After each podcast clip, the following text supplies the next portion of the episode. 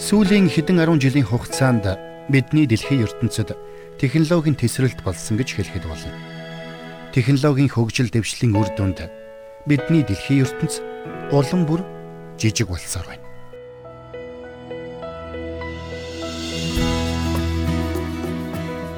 Технологийн энэ их хөгжил дэвшлийг энэ дэлхийн ертөнцийг илүү сайхан газар болгохын төлөө ашиглаж болно гэдэгт бид итгэхийг хүсдэг.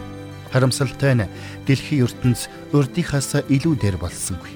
Бидний асуудлууд шийдэгдэх бус. Харин ч улам бүр төвөгтэй болсоор байна. Библи бидэнд хэлэхдээ эцсийн өдөр ойртох тусам бидний дэлхийн ертөнц гэр бүл улс үндэстнүүд улам их зовлон бэрхшээлийг амсах болно гэсэн байдаг. Гэсэн ч бид зүрх алдан цөхрөх хэрэггүй юм. Хэрвээ бид энэ хэцүү цаг үед анхааралтай байж чадвал тэр бүх зовлон бэрхшээлийг даван туулж чадна. Хамтдаа нэвтрүүлгийн өнөөдрийн дугаараар доктор Стенли бидэнд энэ бүх сүнслэг тэмцэл донд хэрхэн сайн тэмцлэр тэмцэж ялахыг зааж сургах болно. Ингээд хамтдаа доктор Стенли ярианд анхаарлаа хандуулцгаая.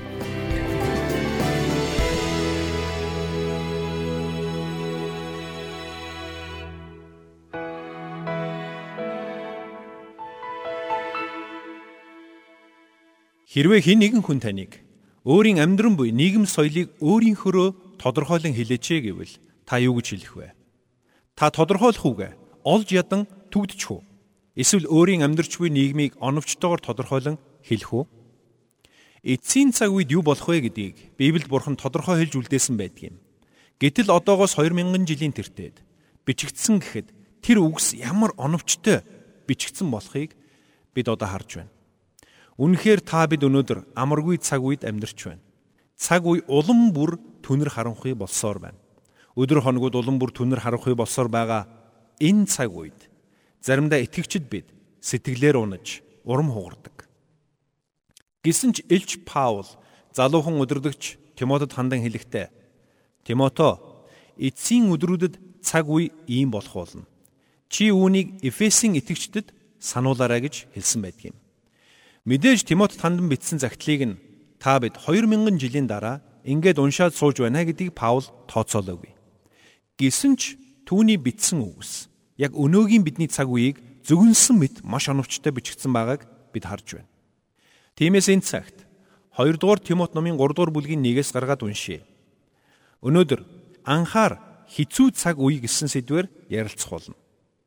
2 дугаар Тимотийн 3 дугаар бүлгийн 1-ээс Паул Тимотед ийхүү хэлсэн байна. Эцсийн өдрүүдэд хизүү цаг ирнэ гэдгийг мэдэж ав. За тэгэхээр эндээс таныг хоёр зүйлийг ойлгож хараасай гэж хүсэж байна. Нэгдүгürt Паулынд бидний амьдрч буй цаг үе ямар хүнд хэцүү байх вэ гэдгийг хэлсэн байна. Энд тэрээр эцсийн өдрүүдэд хэцүү цаг ирнэ гэдгийг мэдэж аваа гэж хэлэхдээ энэ хэцүү цаг үе биднийг дайраад өнгөрнө гэдэг утгаар хэлээгүй. Харин яг л харанхуй нөмрөх мэт бидний амьдралыг нөмрөх болно гэдгийг хэлсэн юм. Өөрөөр хэлбэл бидний амьдрч буй цаг үе өөрөө ийм байх болно гэдгийг онцлсан юм. Паул энэ цаг үеийг хэцүү цаг үе гэж нэрлсэн. Өөрөөр хэлбэл энэ үе маш хэцүү байх болно. Энэ үе маш ширүүн байх болно. Энэ цаг үеэс бүгд зүхтахыг хүсэх боловч хинч зүхтааж чадхааргүй тийм цаг үе байх болно. Энэ цаг үе бол цөхрөл зовлонгийн цаг үе байх болно гэдгийг тэр хэлсэн байна. Нөхцөл байдал сайжрах биш улам бүр дордох болно гэдгийг Паул хэлсэн юм. Бурхан ч үүнийг хэлсэн. Эзэн Есүс ч үүнийг хэлсэн. Библийн туршид Бурханы иш үзүүлэгчд ч үүнийг хэлсээр ирсэн юм. Харин Паул энэ хэсэгт хэлэхдээ эцсийн өдрүүдэд хизүү цаг ирнэ гэсэн байна. Тэгвэл өнөөдөр бидний амьдарч байгаа цаг үе яг л ийм цаг үе биш гэж юу? Тиймээс хэрвээ хэн нэгэн хүн надаас та өөрийн амьдарч буй нийгмээ хэрхэн тодорхойлох вэ гэж асуувал би юу гэж хэлхийг та мэдэх үү? Би энэ тухай бодох ч үгүйгээр шууд л Библийг гаргаад 2 дугаар Тимотийн 3 дугаар бүлгийг нээгээд хариулах болно. Тэгээд та өнөөгийн энэ нийгмийн тухай мэдхийг хүсэж байна уу? Тэгвэл энэ байна. Бурхны үгэнд энэ тухай аль хэдийн иш үзүүлэн хэлсэн байгаамаа гэж хэлэх болно. Зөвхөн аль нэг улс ч биш. Аль нэг нийгэм соёлч биш. Дэлхий даяараа ийм байх болно гэдгийг Паул хэлсэн. Учир нь хожмын өдрүүд ирэхэд сатааны дайралт улам бүр ширүүсэх болно гэдгийг Библиэд маш тодорхой өгүүлсэн байдаг. Дэлхийн нийтийг гим нүгэл нөмөрч бидний сүнслэг тэмцэл улам бүр ширүүсэн гэдгийг Библи гэрчилдэг. Өнөөдөр Христэд итгэгчид бид гурван дайсантай үргэлж тэмцэлдэж байдаг юм. Эхнийх нь мэдээж бидний дотор буй махуудын гимт нүгэлт мөн чанар. Хоёр дахь нь бидний эсрэг үргэлж зогсож байдаг сатааны хүчний эсрэг. Харин гурав дахь нь бидний хүрээлэн буй дэлхийн ертөнцийн систем юм. Энэ дэлхийн ертөнцийн систем бидэнд чи бурхангүйгээр амьдрч чаднаа. Чи бурхангүйгээр аз жаргал, амар тайван, баяр хөөргийг олж чаднаа гэж хэлдэг. Гэвч энэ бол сатааны хуурам мэхлэлт юм. Учир нь хүмүүс яг үүнд итгэн явсаар амьдралаа дэмий үржигдэг юм. Өнөөдөр бид өдөр бүр сүнслэг тэмцэл донд амьдарч байна. Энэ бол бидний итгэл үнэмшил, бидний бурхан, бидний сүм чуулганы эсрэг чиглэсэн муу ерийн сүнсний дайралтын үр дүн юм. Энэ тэмцлийн үр дүнд итгэгчид бид нэгдүгээрт диавлын дайралтын бай болдог. Хоёрдугаарт үл итгэжтийн дайралтын бай болдог. Тиймээс Паул нэгдүгээрт хожим нь хэцүү цаг ирэх болно гэдгийг сануулсан юм. За тэгэхээр нэгдүгээрт юу гэж өгүүлсэн бэлээ? Энэ цаг үе хэцүү үе байх болно гэж хэлсэн. За тэгвэл хоёрдугаарт нь биднийг энэ түнэр харанхуй цаг үед гэрэлт дэнлүү байх ёстой гэдгийг Паул сануулсан юм. Хэдийгээр бид үл итгэжтийн дайралтын бай болдогч Хэдийгээр бид сатааны болон бидний хүрээлэн буй бурхангүй нийгмийн дайралтын бай болдогч тэглээгэд зүрх алдах ёсгүй юм. Учир нь тэр бүх дайралтын дунд бид бурхны үннийг эрэл хийлж энэ түнэр харанхуйг бурхны үннээр гэрэлтүүлэх гэрэлт дэнлүү байх учиртай юм. Магадгүй та дотроо би өөрийгөө гэрэлт дэнлүү гэж бодохгүй байна шүү гэж бодож үж болох юм. Гэхдээ та гэрэлт дэнлүү муу юм. Эзэн Есүс хэлэхдээ та нар ертөнцийн гэрэл мөн уулан дээрх хот нуугдж үл чадна гэж Матай 5:14-т хэлсэн байдгийг. Есүс Христ бол бидний жинхэнэ гэрэл. Харин тэр өөрийн гэрлийг бидний дотор өгч биднийг энхүү түнэр харанхуй дэлхий дээрх гэрэлт дэнлүүнүүд болгосон юм. Тиймээс бидний дотроос гэрэлтэж буй гэрэл нь биднийх бус харин Есүс Христ юм. Бидний хүрээлэн буй нийгэм хэдий чинээ түнэр харанхуй болно бидний гэрэл төдий чинээ хурц тодор гэрэлтэж байх учиртай юм. Өдөр хоногуд өнгөрч Есүс Христийн дахин ирэх өдөр ойртох тусам сатааны дайралт улам бүр ширүүсэх нь дамжиггүй. Үүний үр дүнд бидний хүрээлэн буй нийгэм улам бүр түнэр харанхуй болж Христийн бие болсон чуулганы эсрэг дайралт улам бүр ширүүсэх болно. Тийм учраас Паул Тимотед хандан Тимото эцсийн өдрүүдэд хэцүү цаг ирнэ гэдгийг мэдэж аваарай гэж сануулсан юм. Эндээс таныг нэг сонирхолтой зүйлийг олж хараасаа гэж хүсэж байна. Илч Паул 2 дугаар Тимотийн 3 дугаар бүлгийн эхний дөрвөн ишлэлдэр хайрлах гэсэн үгийг бүгд бүтэн 5 удаа хэлсэн байгаа. Паул 1-р ишлэлд хизүү цаг ирнэ гэдгийг урдаас хэлсэн бол дараагийн ишлэлүүдэд тэр хизүү цагийг таньж мэдэх шинж тэмдгүүдийг тоочин хэлсэн байгаа. Ингээд цааш нь харъя. 2 дугаар Тимот номны 3 дугаар бүлгийн 2 дугаар ишлэлдэр. Учир нь хүмүүс аминч, мөнгөнд дурлагч, сагсуу их зантай, доромжлогч, эцэг ихтэй дуулгаргүй, үл атаархагч, ариун бус гэж хэлсэн байна. Тэгэхээр энд хүмүүс гэсэн хүн төрлөختний тухай хэлсэн юм. Өөрөөр хэлбэл энд ирчүүд, эмэгтэйчүүд, хөгшин залуу бүгд багтана гэсэн үг. Тэгвэл эцсийн өдрүүдэд тэд бүгд аминч буюу өөрийгөө хайрладаг, хар амиа боддог хүмүүс болно гэдгийг Паул хэлсэн байна. Өөрөөр хэлбэл тэд альва зүйлийг харахтаа ямагт Энэ нь надад ямар ашигтай юм бэ гэж боддог болно гэсэн үг. Өөрөөр хэлбэл улс үндэстэнд маань ямар хэрэгтэй юм бэ? Айл хөршид маань ямар хэрэгтэй вэ? Анд нөхдөд маань ямар хэрэгтэй юм бэ гэж асуухын оронд зөвхөн надад ямар ашигтай вэ гэж асуудаг болно гэсэн үг юм. Энэ цаг үе бол амин хуваа хичээсэн хүмүүсийн цаг үе байх болно гэдгийг эндээс бид харж байна. Цаашлбал тэд өөрийгөө хайрлаж зогсохгүй мөнгөнд дурлагч буюу мөнгийг хайрлагчд болно гэдгийг Паул хэлсэн. Өнөөдөр ихэнх хүмүүс мөнгөний төлөө амьдарч байгаа гэдэгтээ та санал нийлэх үү? Өнөөдөр хүмүүс мөнгөний төлөө үхэн хатан зүтгэж, насан туршдаа мөнгө хуримтлуулад өтөлсөн хоноо сайхан амьдрнаа гэж боддог. Гэвч тэр бүр тэдний бодсончлон болдоггүй юм. Харин хүмүүс мөнгөний төлөө ажиллаж хөдөлмөрлөх нь бүхэл хулгай хийж, хүн алж, худал хэлж, гэр бүл найз нөхдөө хүртэл хуурч мэхэлж байна. Үнэхээр өнөөдөр хүмүүс мөнгийг хайрлагсад болсон байна. Өнөөдөр мөнгөний төлөө гэсэн хүсэл эрмэлзэл бидний нийгмийг хөдөлгөж байна. Цаашлбал тэднийг сагсуу гэж Паул тодорхойлсон. Өөрөөр хэлбэл тэд өөрөөрөө сайрахдаг, өөрийнхөө гаргасан амжилтаар өнгөрч сайрахдаг гэсэн үг юм. Тэд зөвхөн сагсуу бус бас их цантай буюу бардам ихэмсэг болох болно гэдгийг Паул хэлсэн байна. Өнөөдөр хаашаал харна. Амжилтаараа бардамнаж сагсуурсан хүмүүсийг бид харах болно. Би ингэсэн, би тэгсэн, би мундаг хэмээн сайрах нь Бурхны хүүхдүүд бидэнд байх ёстой чанаруудын яг эсрэг чанар юм шүү. Гэтэл Христэд итгэгч Бурхны хүүхдүүд болсон бид. Бурхны өмнө даруугаар амьдарч түүнээс бүрэн хамааралтай хүмүүс гэдгээ хүлээн зөвшөөрч амьдрах ёстой гэдгийг Библи бидэнд тодорхой хэлсэн байдаг юм. Бидний сайрах ёстой цорын ганц зүйл бол Есүс Христийн загалмаа юм. Бид өөрөөрөө ч тэр ойр дотны хүмүүсээрээ ч тэр ажил, төрөл, бизнесээрээ ч тэр бардамнан сайрах нь зүуд нийцэхгүй шүү. Миний хүү ингэсэн, миний охин тэгсэн, миний бизнес ингэсэн, би ийм цалинтай, би ийм юм авсан, манай цуглаан ийм гоё, ийм том гэж сайрах нь итгэж бидний хувьд огтоос утга учиргүй зүйлсүүд юм. Өнөөдөр бардамнал нийгмийн салбар нэг бүрлүү нэвчин орсон байна. Библиэс үзвэл Бурхан хамгийн ихээр бардамлыг үзен яддаг болохыг бид харах болно. Бардамлынхаа улмаас сатан тэнгэрээс дэлхий рүү хаягдсан байдаг юм. Бурхан бардамлыг үнэхээр үзен яддаг. Гэвч хожмын үед хүмүүс бүгд ихэрхэг бардам болно гэдгийг Илч Паул энд тодорхойлсон байна. За ингээд цааш нь үргэлжлүүлээд харах юм бол хожмын үед хүмүүс доромжлогч болох болно гэж хэлсэн байх юм. Энэ юу гэсэн үг вэ? Паулинд хараалын үг урсгаж, бусдыг доромжилж, тухуурхаж, ёс бус үг хэллэг ашиглан бусдад нэр хож өгч байдаг хүмүүсийн тухай ярьсан юм. Өнөөдөр Есүс Христийн нэрийг доромжлон гутаадаг хүмүүс маш олон болсон байна. Тэд Бурхны тухай тэр бүр ярьдаггүйч.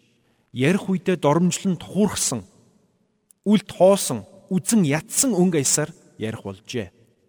Гэтэл Илч Паулийн хожмын үед бидний нийгэм ийм хүмүүсээр дүүрэн байх болно гэдгийг урдаас мэдэж хэлсэн байх юм. Өөрөөр хэлбэл хожмын үед нийгэм бүхэлдээ ийм байх болно гэдгийг хэлсэн. Энд бид цөөн тооны хэсэг бүлэг хүмүүсийн тухай ярьж байгаа хэрэг бус харин нийт хүн төрлөختний тухай ярьж байгаа гэдгийг та ойлгоорой. Зарим хүмүүст энэ үгс тимч таатай санагдахгүй нь мэдээж. Гэхдээ бид үүнийг яаж харахаас их зүйл шалтгаална. Өнөөдөр бидний амьдарч буй нийгэм улам бүр завхранд ороотож байгааг бид харж байна. Гэхдээ хэрвээ бидний амьдарч байгаа нийгэм улам бүр сайн сайхан болж, улам бүр гэрэл гэгээтэй болсоор байвал Библиэд асуудал байгаа болж таарна гэсэн үг. Учир нь Библи бидэнд хэлэхдээ эцсийн цаг үе ирэхэд байдал сайжрах бус харин улам бүр дордох болно гэдгийг хэлсэн юм. Хэрвээ тийм биш бол Библи худлаа хэлсэн хэрэг болно.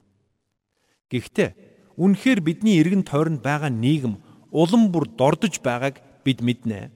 Энэ бүх асуудлыг ямар ч философ, ямар ч шашин, ямар ч улс төр шийдэж чадахгүй.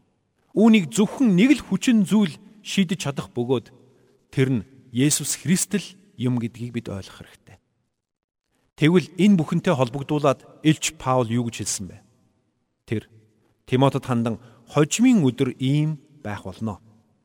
Тиймээс чи хүмүүст үүнийг сануулж сэрэмжлүүлээрэ гэж хэлсэн юм. Тэгвэл энэ хэцүү цаг үед бид яг юуг анхаарах ёстой вэ? Энэ цөвөн цаг үед бид өөрсдийгөө хамгаалахын тулд юу хийх ёстой вэ? Хамтдаа эдгээр асуултуудад Паул юу гэж хариулсныг харъя. Ингээд 2 дугаар Тимотийн 3 дугаар бүлгийн 10-аас 11-ийг уншия. Энд Паул бидэнд хандан дөрвөн зүйлийг зөвлөсөн байна.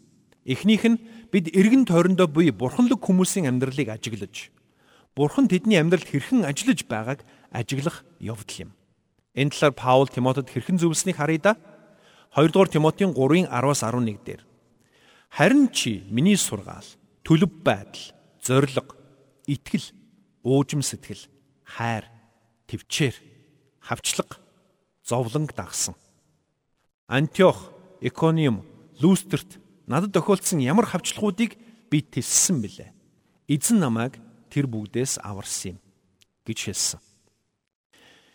Энд Паул юу гэж хэлсэн гэж өөрийнх нь амьдралыг анхааралтай ажиглан хараарай гэж Тимотед зөвлөсөн юм.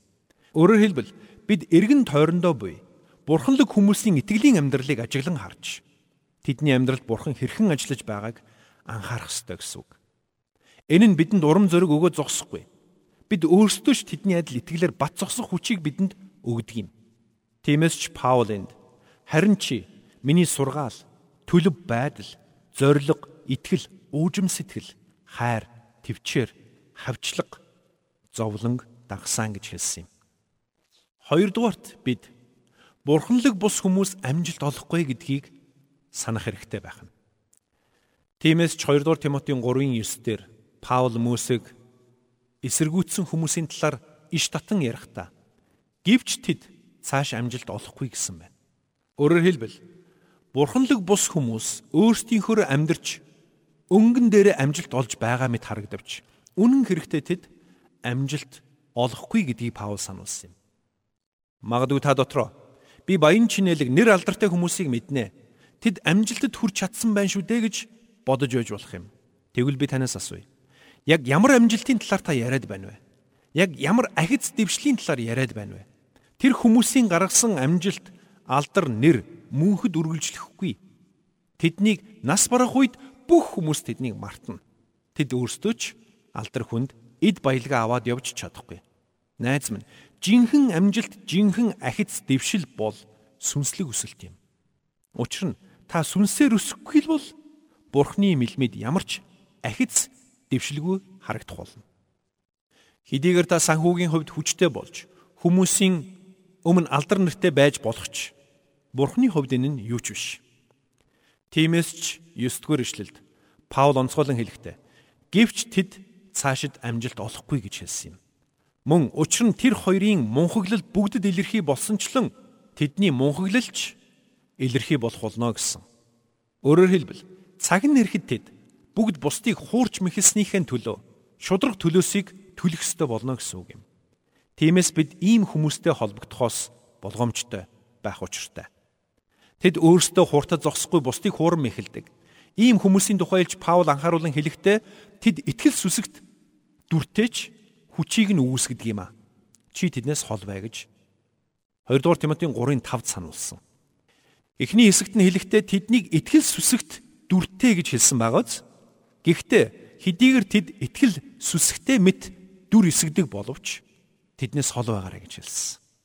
Бид ийм гаж буруу сургаалыг ойр тойрныхноос холдуулах ёстой. Зурагтаар гарч байвал сувгаас сольж, зурагтаа унтраах хэрэгтэй. Радиогоор ярьж байвал түүнийг сонсохгүй байх хэрэгтэй. Яг гэвэл Паул биднийг ийм зүйлээс хол байгаарэ гэж анхааруулсан юм. Тэгэхэр илж Паул биднийг юуны түрүүнд эргэн тойрондоо би бурханлаг хүмүүсийн амьдралыг анхааран харж хүнд хэцүү цагт тэднийг бие хэрхэн авч явж бурхныг хэрхэн гэрчилж байгааг анзаараарай гэж хэлсэн юм. Хоёрдугаарт нь биднийг бурханлаг бус хүмүүсээс хол байхыг сануулсан байна. Гуравдугаарт бурхны үгийг бат баримтэлж энэ үгийг тууштайгаар дагаа хэмээн сургасан. Ингээд 14 15 дугаар ишлэгийг харах юм бол харин чи юу сурсан? юунд итгэсэндээ бай. Чи хинээс сурснаа мэдэх бөгөөд Христ Есүс дэх итгэлээр авралт чамайг мэрэгэн болгох чадaltaй ариун судар бичгүүдийг чи хүүхэд байхасаа мэдсэн гэж хэлсэн. Паулын хэлэхдээ Тимото чи үннийг мэднэ гэж хэлсэн юм.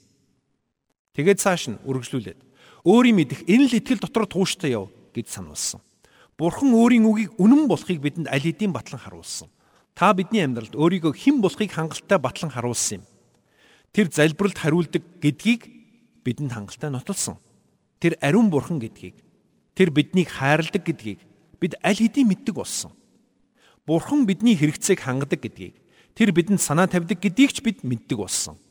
Үүнийг бид Библийн үгнээс ч мэддэг болсон, амьдралынхаа туршлагаарч мэддэг болсон. Тэгвэл биднийг энэ л мэдлэг дотроо тууштай бай гэж Паул сануулсан байна. Цаашилбал Паул үргэлжлүүлэн хэлэхдээ Бурхны үгийг эмээн хүндэл гэсэн санааг илэрхийлсэн байна. 16 17 дугаар ишлэгийг харах юм бол бичвэр бүр Бурхны амьсгалснаар байгаа бөгөөд заах вэ, зэмлэх вэ, залруулах вэ, зөвхт чиглүүлэхэд тустай. Энэ нь Бурхны хүн чадамга аливаа сайн үлд бүрэн бэлтгэгдсэн байхын тулд юмаа гэж хэлсэн юм. Энэ үгийг Паул зөвхөн номлогчдод хандан хэлсэн юм бишээ. Тэр энэ үгийг бүх итгэгчд хандан хэлсэн юм. Паул энд хамгийн түрүүнд бичвэр бүр бурхны амьсгалснаар гэж хэлсэн. Энэ юу гэсэн үг вэ? Энэ бурхны үг алдаа маддаггүй гэсэн үг юм. Бурхны үгэнд ямар ч өөсөв гэж байхгүй. Товчхондоо бол Библи нь өөсөвгүй алдаа маддаггүй цорын ганц бурхны үг гэсэн. Гэтэл зарим хүмүүс Библийн тухай ярихдаа зүгээр л нэг хэсэг хүмүүс хамтаа цуглаад энэ номыг биччихсэн юм шүү гэж ярьдаг. Гэтэл тийм биш гэдгийг бүх их сурвалж баталдаг юм. Мэдээж бурхан өөрийн үгийг бичүүлэхдээ тодорхой хүмүүсийг сонгон дуудсан. Тэднэр дамжуулан өөрийн хүсэл зориг, зориг төлөвлөгөөг бичүүлэн үлдээсэн юм. Тэгвэл энэ нь юуны төлөө байсан юм бэ? Бидэнд бурханы бодол санааг ойлгуулахын тулд юм. Бурхан тэдгээр хүмүүсээр дамжуулан өөрийн үгийг бичүүлэхдээ тэдний онцлог зан чанар, амьдралын орчин нөхцөлийг ч мөн ашигласан. Тэр бүхнэр дамжуулаад бурхан тэр хүмүүстэй ярьж тэр хүмүүсийн бодол санааг өдөрдөн чиглүүлснээр тэд бурхны бодол санааг бидэнд дамжуулан бичиж үлдээсэн юм. Угтаа бол Библи нь Эхлэлийн 1-р бүлгээс эхлээд Илчил номын төгсгөлийн бүлэг хүртлээр хүн төрлөختнийг хайрлсан Бурхны агуу хайрын түүх юм. Энэ бол бидэнд хандсан Бурхны уучлал, өршөөл, хайр, инэрл, ивэл ерөөлийн түүх юм. Энэ үгэнд алдаа мадаг байхгүй. Энэ үг бүхэлдээ Бурхны амьсгалснаар буюу Бурханаас өгөгдсөн онгодоор бичигдсэн юм. Тийм учраас Паул Тимотед хандан чухалчлан захихдаа нэгдүгürt эргэн тойрондоо буй бурханлаг хүмүүсийн амьдралыг ажиглан анхаар. Хоёрдугаарт ёс бус хүмүүс амжилт олно гэж байхгүйг сана. Гуравдугаарт бурхны үгийг баримтал. Энэ үгийг тууштайгаар даг гэж сануулсан юм. За тэгвэл Паул Тимотед загсан дөрөв дэх зүйл бол үгийг тунхаглахдаа бэлэн байгаарай гэж хэлсэн юм. Бид Бурхны үгийг мэдэх нь хангалтгүй. Энэ үгийн талаар эргцүүлэн бодож, энэ үгийн дагуу амьдрах нь хангалтгүй. Харин бид энэ үгийг бусадтай хуваалцдаг байх нь хамгаас чухал юм. Учир нь энэ үеийн ёс бус зүйлс зөвхөн бурханлаг бус хүмүүсийн амьдралаас илэрхий харагдаад зогсохгүй. Христэд итгэж хүмүүс хүртэлч ийм байдалтай байх болно гэдгийг Паул сануулсан бичсэн юм шүү. Хэрвээ бид 2 дугаар Тимот номын 3 дугаар бүлгийн 7-ыг харах юм бол тийм эмгтээчүүд үргэлж суралцвч үнний мэдлэгт хизээж хүрч чаддгүй маа гэж сануулсан. Өөрөөр хэлбэл бид Бурхны үннийг мэддэг байх нь хангалтгүй юм. Харин бид үүнийг хуваалцдаг, тунхагладаг байх ёстой. Энэ талаар 2 дугаар Тимотийн 4-ийн 1-ээс 2-т ийхүү өгүүлсэн байдаг. Би Бурхны болон амьд ба үхэгсдийг үзэгдэлт ба хаанчлалдаа шүүх Христ Есүсийн өмнө чамд чугалчлан захий. Үгийг тунхагл. Цагаа олсон ч олоогүй ч бэлэн бай.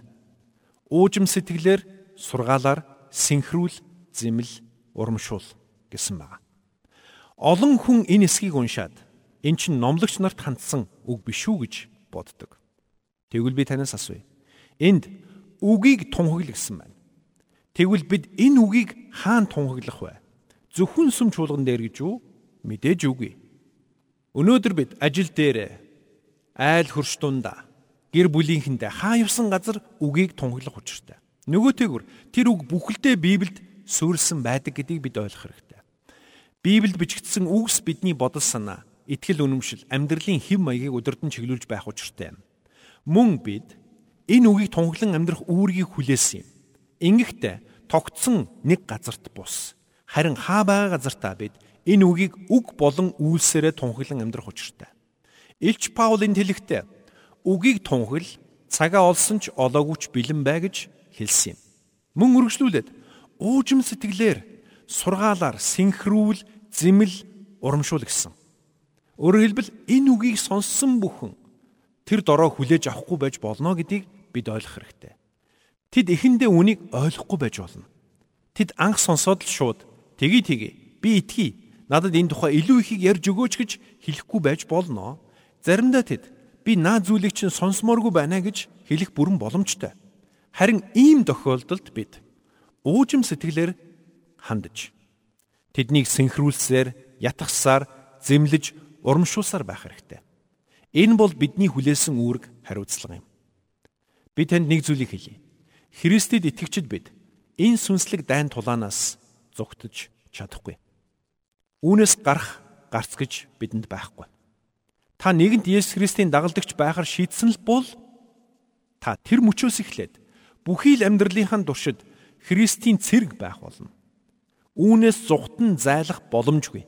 Бид үлдсэн амьдралынхаа туршид махбодын гимт мөн чанар энэ ертөнцийн систем болон диавлын хүчтэй тулалдан тэмцэлцээр байх болно. Тэгвэл бид яах ёстой вэ? Энэ бүхнээс залхаад сэтгэлээр унаад урам зориггүй болоод бууж өгөхгүй. Би ядарч байна, би бууж өглөө гэх үү? Үгүй ээ. Нэгдүгээрт та угаасаа болох боломжгүй. Та нэгэнд орсон л бол гарах гарц байхгүй. Тэгвэл бууж өгөхгүй. Бууж өглөөгээд нөхцөл байдал дээртэхгүй. Харин ч улам дордох болно. Тэгвэл бид юу хийж болохыг танд хэлж өгье. Та Бурхны үнэн үг дотор бат зогсож, Есүс Христийн цэрэг болсон гэдгээ хүлээн зөвшөөрч, Бурхны хүүхэд болсон байр суурин дотроо цэх зогс. Ийм хүү зогсохдоо бид Бурхны хүч чадлаар Бурхны хайр халамж хамгаалалт дотор зогсдог юм. Бид Бурхны амлалтууд дээр зогсдог юм. Бурхан бидэнд ямар ч хүнд хэцүү цаг үеийг даван гарахад шаардлагатай бүхнийг өгсөө. Өөрийнхөө үгийг тунхлахын тулд тэр биднийг илгээсэн. Гэр бүлдээ, айл хөрштэй, ажил сургууль дээр бид бүгд Бурхны үгийг тунхаглан амьдрах учиртай. Тэгвэл бид үүнийг хэрхэн тунхаглах вэ? Итгэл үнэмшилтэйгээр, эр зоригтойгоор тунхаглах учиртай. Бид бүгд хайр болон төвчээрээр Бурхны үгийг тунхаглах юм бол эцэстээ үр жимс урах болно гэдгийг бид мэднэ. Найз минь, Есүс Христийн цэргүүд болсон бид хүнд хэцүү цаг үед амьдарч байна. Энэ цаг үеэс бид зүхтах боломжгүй. Бид зогсох, бууж өгөх боломжгүй. Нэгэнт тим юм бол зүгээр л Бурхны үгийг дуулууртаа даган амьдарч яагаад болохгүй гэж.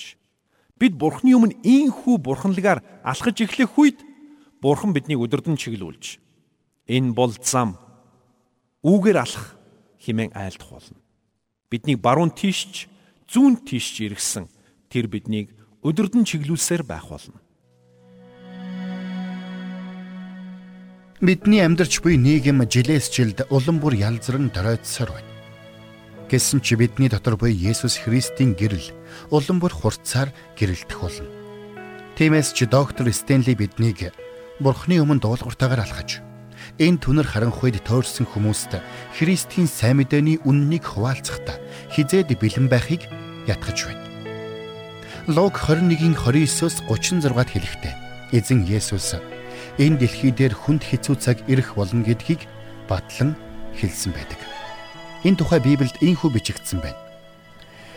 Тэгээд тэр тэдэнд ийм нэгэн сургаалт зөвөрлөл айлдав. Инжирийн мод болон бүх моддыг хар. Тэдгээрийн нахиалахыг хараад зун ойртсныг та нар мэддэг. Түүнчлэн та нар энэ бүхэн тохиолдохыг хараад Бурхны хаанчлал ойрхон байгааг мэдэгтэн. Үннээр би та нарт хэлье. Энэ бүхнийг тохиолдохоос нааш энэ үеийнхэн өнгөрөн одохгүй. Тэнгэр газар өнгөрөн одовч миний үгс үгүй болохгүй. Хэд идэж уух явдал, согтуурал болон амьдралын санаа завинлоор та нарын зүрх дарамтлагдахгүй тулд болгоомжлогтон. Тэрхүү өдөр хавх буух мэт та нар дээр гинэт ирнэ. Энэ нь газрын бүх гадаргаар нутаглагсдын дээр ирэх болно. Харин хүний хүүгийн өмнө зогсох, мөн болох гэж буй энэ бүхнээс зайлсхийх хүч чадалтай байхын тулд залбирч ямагт сэргэг байгтун. Гэв. Хамтдаа эзэн Есүсийн айлдсанчлан сэргэг бож эзэн бурхнаа дуулууртаагаар даган амьдарцгаая.